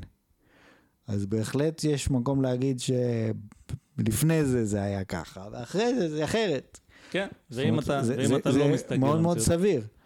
לא, אז אני אומר, אז, אז יופי, אז מה שחשוב לנו זה מה? שאנשים ינסו לברר את המצב, וינסו להגיב אה, בצורה שמניחה את הדעת. וזה דברים מאוד אבסטרקטיים, אבל זה מה שבאמת מעניין. ואם בדיעבד הלך לך קלף או לא הלך לך קלף, כי אף אחד לא ידע מה יהיה. כן, לא, זה שאלה- כמו שאמרנו. בניו יורק, הרי שאני, אני סיפרתי את זה גם פעם קודמת, כשאני הייתי ב... מרץ, תחילת מרץ בארצות הברית, 2020, כן. 2020. אז בא מייק פנס בטלוויזיה, ממש אני בשדה תעופה. כן. זאת אומרת, יום למחרת, 24 שעות אחרי שאני נחתתי, ביבי סגר את הגבולות. כן. עכשיו, אה, בשלב הזה, יום לפני שביבי סוגר את הגבולות, מייק פנס אומר, אה, הכל בסדר, בסדר, לכו לדיסנילנד." לכו לדיסנילנד. כן. אני מתכוון ללכת לדיסנילנד. כן. זאת אומרת, שזאת הייתה הגישה. והגישה השתנתה ברגע שבאמת הגיעו המתים. כן. זאת אומרת, זה... כשאתה מסתכל על ארצות הברית, אתה לא מסתכל על מצב שהם, נגיד כמו בישראל, שביבי, כמו שאמרנו, נכנס לפאניקה כביכול, ואמר, אוי, הדקה חוזרת, זה קץ האנושות, ובוא נעשה, נהיה מחמירים מההתחלה. כמו, הוא למעשה היה מחמיר מהראשונים בעולם. כן. ובארצות הברית הם נגררו לעניין הזה של הסגרים כתוצאה ממה שקרה. בסופו של דבר, אם אתה מסתכל על כמויות המתים, אז המספרים הם אדירים, כאילו. בארצות הברית הכל בגדול, אז אתה מדבר על מיליוני אנשים שמתו מקורונה, אני לא יודע כמה מיליונים, כאילו אולי מיליון, כן, אפשר לבדוק, אבל היו חצי מיליון. היה אה, חצי מיליון. שהתעניינו, כן? כן, שהתעניינו, אני לא יודע כמה זה עכשיו. אבל המספרים הם גדולים, וגם אנחנו רואים שזה גם תמותה עודפת, ממש. זאת אומרת, כן. זה לא אה, פשוט אה, החליפו שפעת בקורונה, אלא ממש אנשים אה, אה, מתו מקורונה. אז אה, לכן, אז אה, מה בדיוק היה נכון לעשות, בניגוד למה שחשבנו בפעם הקודמת, שזה נוקט, אז עכשיו זה גם, שוב, ניו זילנד זה מדינה, מדינת אי, והרבה יותר קל לה לעשות את זה.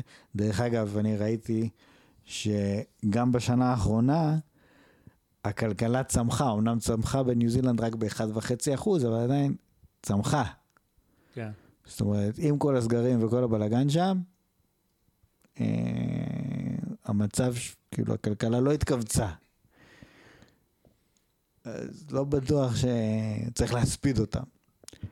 בכל מקרה, השאלה היא שאלה אה, מאוד מורכבת, וגם למדנו מזה שהווירוס השתנה וה, והסטטיסטיקות שלו השתנו, שזה גם תלוי בספצ... בווירוס הספציפי ובהתנהגות שלו, ולא רק במשאלות לב של אה, אה, כל מיני אנשים, של מה הם חושבים שצריך לעשות בהינתן וירוס אקראי. כן. אז בוא, בוא נגיד כזה דבר, אני חושב שכן מה... מכל המחקר הזה של ה-MBR, הדבר שהכי עשה עליי רושם זה הגרפים דווקא. כי אתה כאילו רואה כזה, שזה לא כזה משנה מה עשית. אה, יש מדינות שיצא ככה, יש מדינות שיצא ככה. זה באמת, אולי תלוי בדברים שאנחנו פשוט לא מבינים אותם, או סתם מזל, גם יכול להיות, אה, שזה דרך אחרת להגיד דברים שאנחנו לא מבינים אותם אולי. עכשיו, אני כן חושב שאתה יכול בדיעבד, שוב, בלי להצדיק או לגנות יותר מדי. אמרנו, הפוליטיזציה הזאת. זאת אומרת, אני כן, בלי שבדקתי, אני כן חותם לך.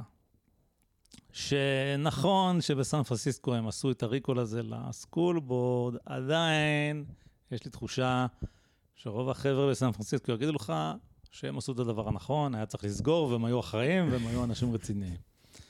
ו, אה, וכנראה בפלורידה, לפחות התומכים במושל יגידו שאיזה יופי, ופלורידה זו המדינה הכי חופשית באמריקה, ואנחנו לא כמו החמוצים האלה מקליפורניה וכן הלאה.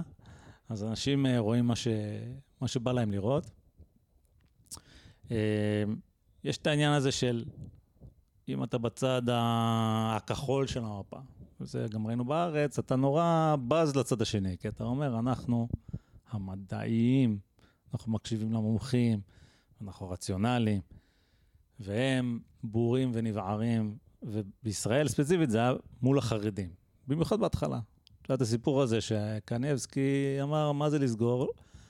יותר מסוכן לסגור את התלמוד תורה מאשר הווירוס הזה, כן? כן. עכשיו, עם כל הכבוד לו, אני לא חושב שהוא ידע מה יותר מסוכן באמת. נראה לי שזו התשובה שלו בשלוף, בעניין הזה של לסגור את הלימודי תורה באופן כללי. אבל כן היה את ההלך רוח הזה, שאנשים יותר מהצד שלנו, שכזה, נו, באמת, אה, כן, האנשים האלה מתעלמים מהמדע, מתעלמים מהזה. עכשיו, בדיעבד, אני לא יודע לגבי מדע וכן הלאה, אבל קודם כל מדע זה נורא מסובך. זה פשוט לא כל כך נכון להגיד, גם אם אתה כאילו מהצד היותר מדעי של הדברים, שאתה באמת יודע מה קורה, ומסוגל לקבל החלטות מדעיות באמת. כי אתה צריך כל, לדעת כל מיני נתונים, ו... ואתה עוד לא יודע אותם. ו...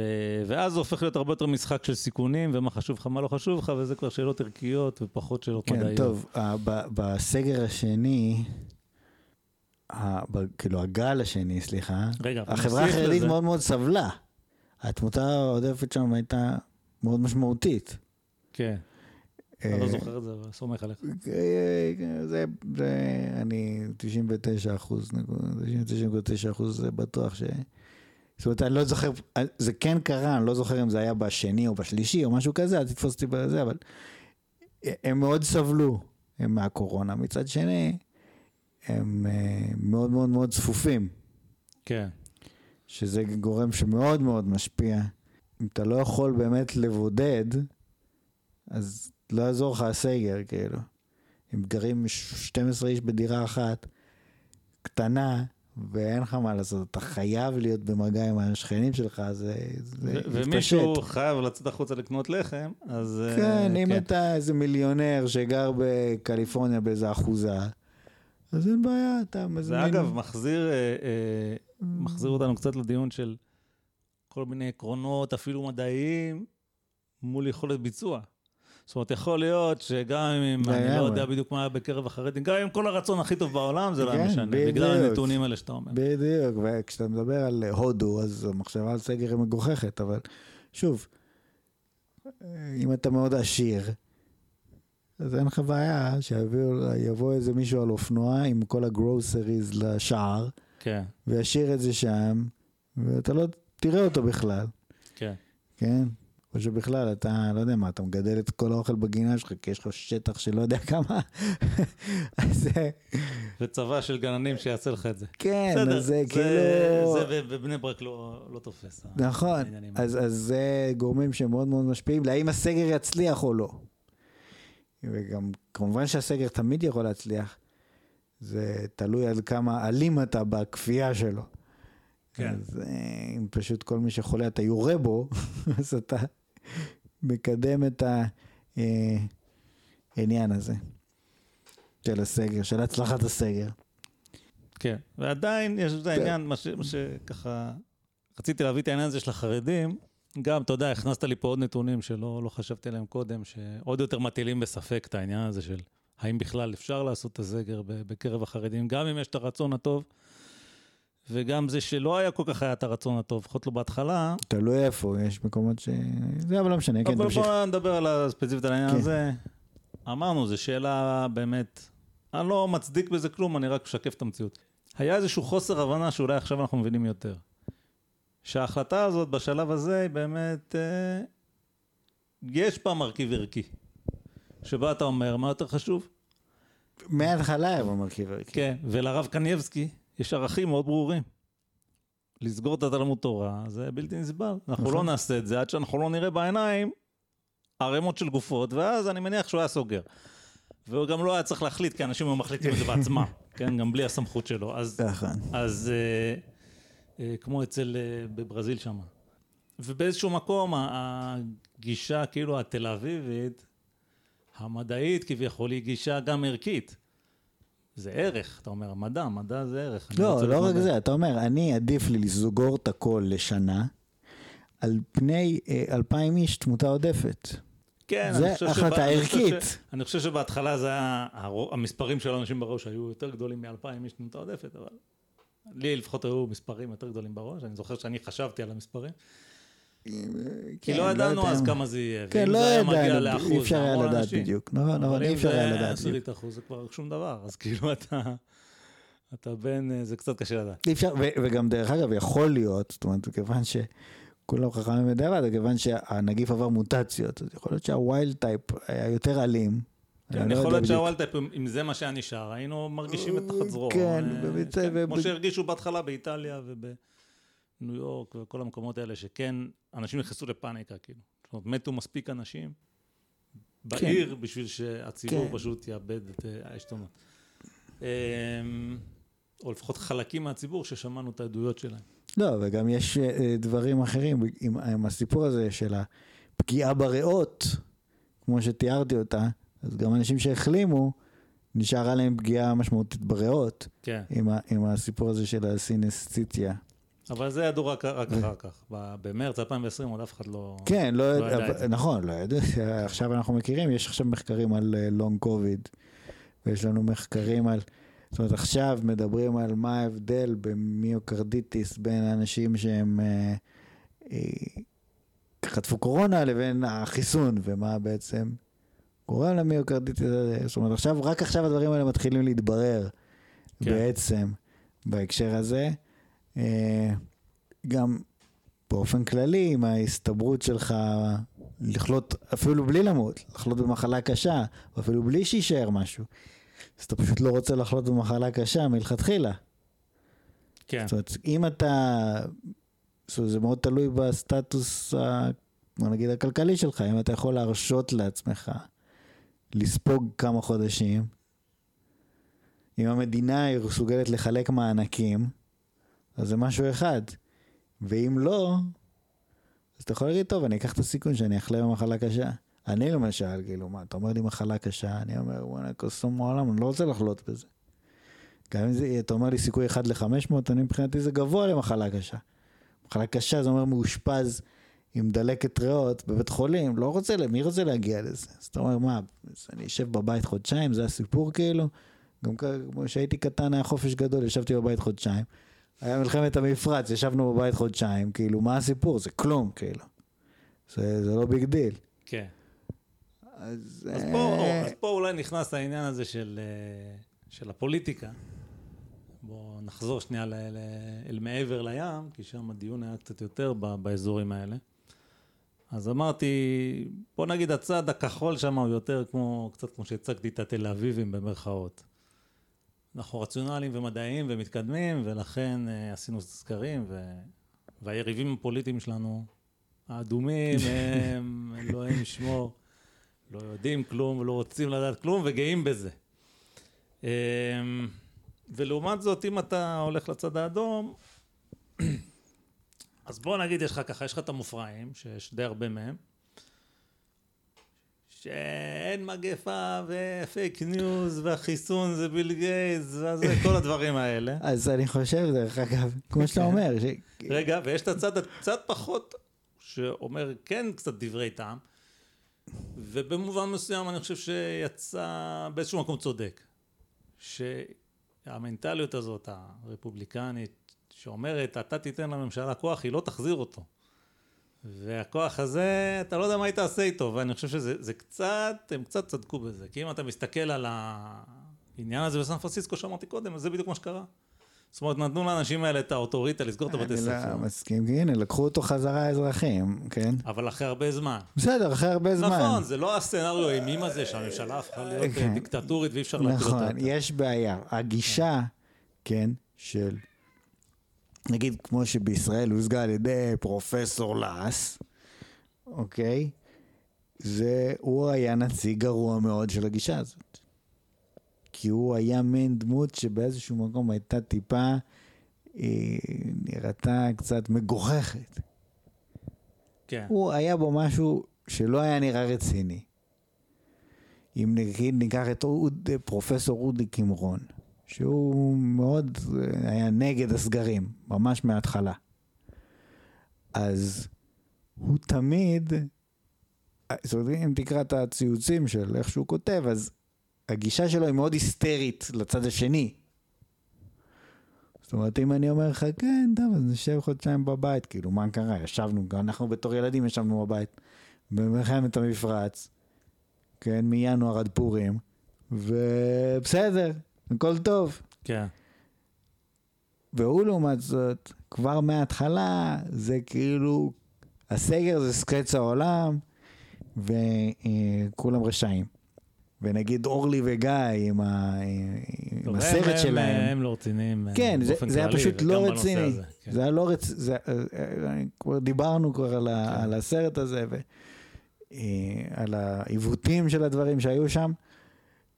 האמת בל- שלא- האמת שלא דיברנו עליו המון, אבל זה כבר לא שווה לדבר על זה. דיברנו עליו. אה, בקצרה הזכרנו אותו. כן. ו- אני רק בקיצור. אגיד לצופים שאני עשיתי איזה תחקירון קטן על הסרט הזה בשביל... אה, כשהיה לי איזה ויכוח עם חבר על התוכן שלו, ולא מיני ולא מקצתי הסרט הזה, באמת אה, עיוות טוטאלי שערוך עיוות טוטאלי. מגמתי עכשיו- בצורה נוראית. בעצם ברגע ש... גם ראיתי, יש אחת, אה, יעל בן דוב גולדברג. היא מורה בבית ספר, מסתובבת הרבה בטוויטר, שהיא כאילו אנטי טוטאלי לקורונה. אוקיי, יש לה איזשהו ציוץ מפורסם, שהיא יושבת באוטובוס בלי מסכה, והיא כותבת, זדיינו אתם והמסכות שלכם. משהו כזה. אוקיי. עכשיו, זה מאוד מאוד לעומתי. כן. אוקיי? זה לא נראה שהקורונה זה עניין בו בכלל. העניין הוא, אני אעצבן אתכם, ו... וכאילו זה הכיף שלי, לעצבן. כי אפשר גם להסתובב באוטובוס ואפשר להיות בלי מסכה, ולא לשים את זה בטוויטר, נכון?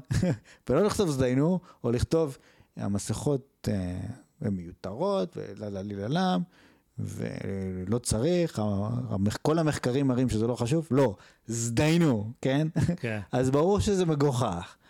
ולא היה, אני חושב, נציג טוב, כאילו לדעה השנייה הזאת, אני חושב שבעצם ה- בעצם הראשונים שבאו עם הגישה, באו כאילו עם איזשהו פאסון לגישה הזאת של נגד הסגרים, זה באמת בנט וניצן הורוביץ. אוקיי, לא יודע, לא עקבתי אחרי זה, אני מודה. לא, אבל הם כאילו לא, אתה יודע, הם אמרו בצורה שקולה בלי והגיונית. לקלל לפחות. כן, בלי לקלל ובלי להגיד אנחנו זה, הם אומרים אוקיי, מי שצריך להיזהר ופה ושם, אז כאילו, להיזהר. מי שכדאי ללכת עם מסכות למי שבקבוצת סיכון. וכל הסיפורים האלה, ואוקיי, אולי ניתן זריקה שלישית, זריקה רביעית, כל הסיפורים האלה, אבל אה, עצם זה אתה יודע מה, זה, זה נותן שנוצר איזשהו... קיטוב סביב העניין הזה, מנע את האפשרות, כן, אולי, למרות שבישראל בסופו של דבר, ברגע שהגיעו החיסונים, הסיפור נגמר, כן? זאת אומרת. לקח שנה, הגיעו החיסונים, וזהו.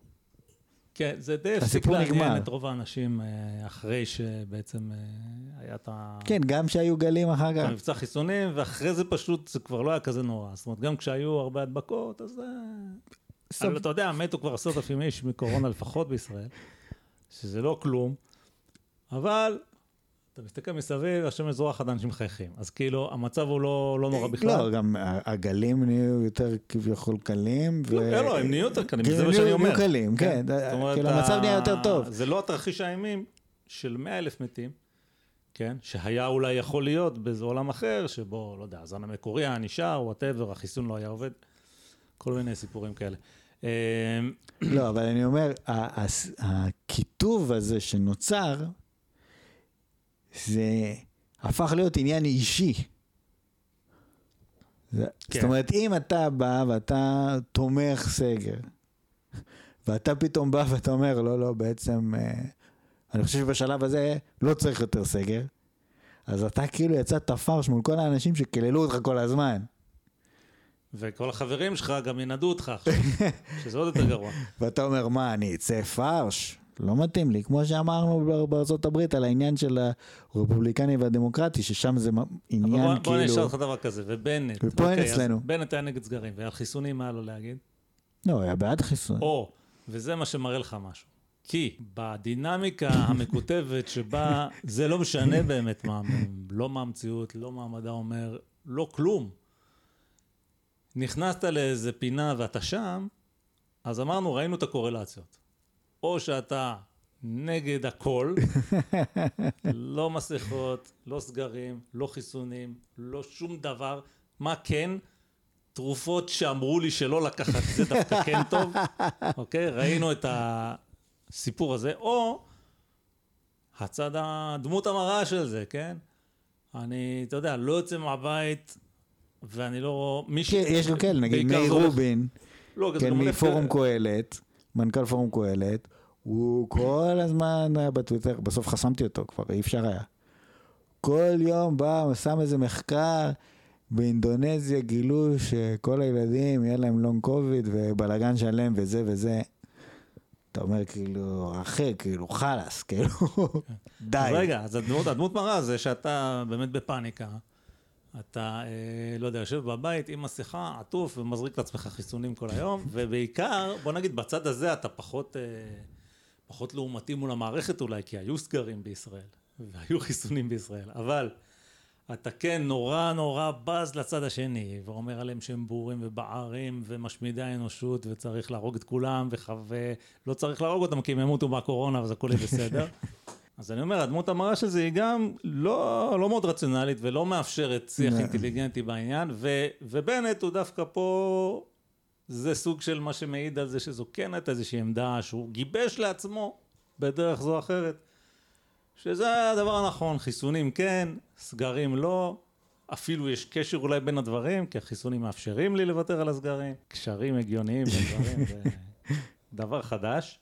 ואני חושב שכן, אם נחזור שנייה לאמריקה, אז גם שם יש את הבעיה הזאת של הקיטוב, שהוא בכל דבר, אז יש עוד יותר פחות, אין בכלל את הבן אדם ההגיוני הזה, ש, שהוא הוא איפשהו באמצע. זה לא שאין אנשים כאלה בארצות הברית, אבל הקולות האלה מושתקים, בגלל ההגברה מאוד של הקיצון, עם הרשתות החברתיות וכל התופעות האלה שיש. ובגלל שזה מאוד אה, אנחנו והם כזה, אז כאילו, אתה כבר ממש נגדם, אתה נגדם בכל הנושאים. כי כל נושא שם הוא כזה, אז אה, מישהו, כאילו יש שם קורלציה שאין אותה בארץ. מי שנגד חיסונים, אה, הוא גם נגד הפלות. וכאילו ב- ב- בסיכוי גבוה. כן, הנה, תראה. ובישראל אין שום קשר בין השניים. כן, שום קשר. הנה, ניצן הורוביץ שהוא כאילו מאוד שמאלי כביכול, כן, הוא גם היה נגד סגרים, כן. שזה קשר שכאילו, שבארצות הברית לא יכול להיות בן אדם לא כזה. יכול להיות דבר בטח כזה. לא פוליטיקאי. לא יכול להיות דבר כזה, לא יכול כן. להיות דבר כזה. אז, אז פה יש את העניין הזה האמריקאי ש... שהם קצת בצרות איתו, עם הקיטוב הזה ש... כן, לא, דבר גם- גם סיפור. אנחנו כביכול אה, קצת בצרות. לא, אני אומר, למזלנו, הכיתובים שלנו הם לא לגמרי זה נכון. חופפים. זה... היה אצלנו את כל הכיתוב הזה של הקורונה. אצלי במשרד יש אה, שני חבר'ה שעובדים איתי, והם קצת כמו, אה, כמו איך שפתחנו את הפודקאסט. באמת, חוץ מעכשיו שאנחנו מדברים על זה, אני לא כל כך חושב על הקורונה ביום-יום. זה עבר, עבר, סיימנו את העניין. ואני חושב שרוב האנשים מרגישים ככה, גם לא מדברים על זה, חוץ מהשניים האלה, אצלי במשרד, הם עדיין רבים. את הריבים של לפני שנה וחצי. ההיא זה בחורה צעירה, ויש לה, היא מהצד שנגד החיסונים וזה. אני לא כל כך מקשיב למה שהם אומרים, אבל אתה יודע, כבר אתה מזהה את ה... והוא מנסה להסביר לה נורא בהיגיון, כי הוא מהצד של המדע וההיגיון, שלמה זה כן אה, היה נכון וכן הוא דבר טוב, ו... והיא כמובן לא, לא התחסנה, והוא כן, ובהתחלה היה לי מין תחושה כזאת שכאילו עצבן אותי. אבל למה אני צריך להמשיך לשמוע את, ה... את השטויות האלה? די, עברנו. אני כבר לא... כבר אין ריבים במכולת עם אנשים. בהתחלה אנשים היו רבים במכולת, תשים את המסכה, אל תשים את המסכה, היו, היו דברים. וכבר אין את זה יותר, ותודה לאל, ברוך שפטרנו. אז למה אתם אוכלים לי את הראש? ואפילו גערתי בהם איזה פעם על זה. אבל, אתה יודע מה, אני טעיתי. הגעתי למסקנה, יש לי איזו תחושה כזאת, שאם היינו אמריקאים, זה לא היה יכול להיות הדבר הזה במשרד. כי מישהו מהם היה מת מפחד לפתוח את הפה שלו. שלא בסלק של החברה עכשיו יעשו עליו עליהום כמו שעושים בטוויטר וכמו שזה, ויש לא מעט סיפורים כאלה מארצות הברית על כל מיני נושאים. ואז הבנתי שאתה יודע מה, אולי זה טוב. זאת אומרת, עצם זה שהם ממשיכים לבלבל את המוח על הדבר הזה, אבל הם מרגישים מספיק בנוח לעשות את זה. והם עדיין חברים, הם עובדים ביחד. זאת אומרת, הם ממש עובדים ביחד, זה לא אנשים שהם... אני לצורך העניין כזה פחות עובד עם שניהם. אני טכנית, אני פשוט באזור אחר של, ה... של התוכנה. אז אתה יודע מה, זה דבר טוב, זה סימן טוב.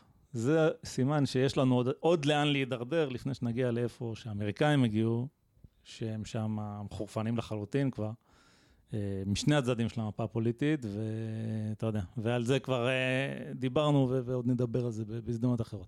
כן, לא, האמת היא שזה, שזה משמח ואני שאפשר. הפסקתי לצעוק עליהם, שימשיכו להתווכח. האמת שזה באמת נחמד שאפשר אה, להסתדר למרות שמחוסנים ולא מחוסנים שיכולים להסתדר כן. ביחד, זה ממש ממש יפה. כמו ש- המסופמים לא, והלא מסופמים. אני חייב להגיד שגם. אני בהתחלה אמרתי, טוב, צריך אה, לשכנע אנשים להתחסן. יצא לי להגיד, לכ- לכתוב איזה שתי הערות בפייסבוק לאנשים, כן. שתתחסנו וזה. ואז הבנתי שכאילו, זה טיפשי קצת. אני מבין משהו בביולוגיה, אני עשיתי את המחקר, אני יודע מה תופעות לוואי. אני הולך וצועק על אנשים שאני לא מכיר ללכת להתחסן. מי שרוצה ללכת להתחסן, הת- אני התחסנתי, אני חושב שכדאי. מי שלא רוצה, לא רוצה. בוא נמשיך. כן. זו, זו הגישה שלי עכשיו, כי זה חוסר אחריות. למשל, באמת התגלה התופעה של המיוקרדיטיס. זה סך הכל תופעת לוואי יחסית קלה. כן. לא צריך, זה לא איזה עניין גדול. אבל כל אחד צריך לעשות את השיקול הזה. אני לא מבין כלום בזה, אני לא יכול להתחיל ללכת להגיד לאנשים לעשות משהו רפואי, שלי אין שום ידע בנושא. אני אגיד לך יותר מזה, אפילו בוא נגיד, אנחנו לא הוסמכנו לזה, ואני לא, אני סתם אומר כהיפותזה מוחלטת, השערה היפותטית לחלוטין, בוא נגיד שאתה צודק, המיוקרדיטיס זה בקטנה, אוקיי? לא תופעת לוואי אה, שצריך לפחד ממנה, נניח, אני לא מבין בזה כלום.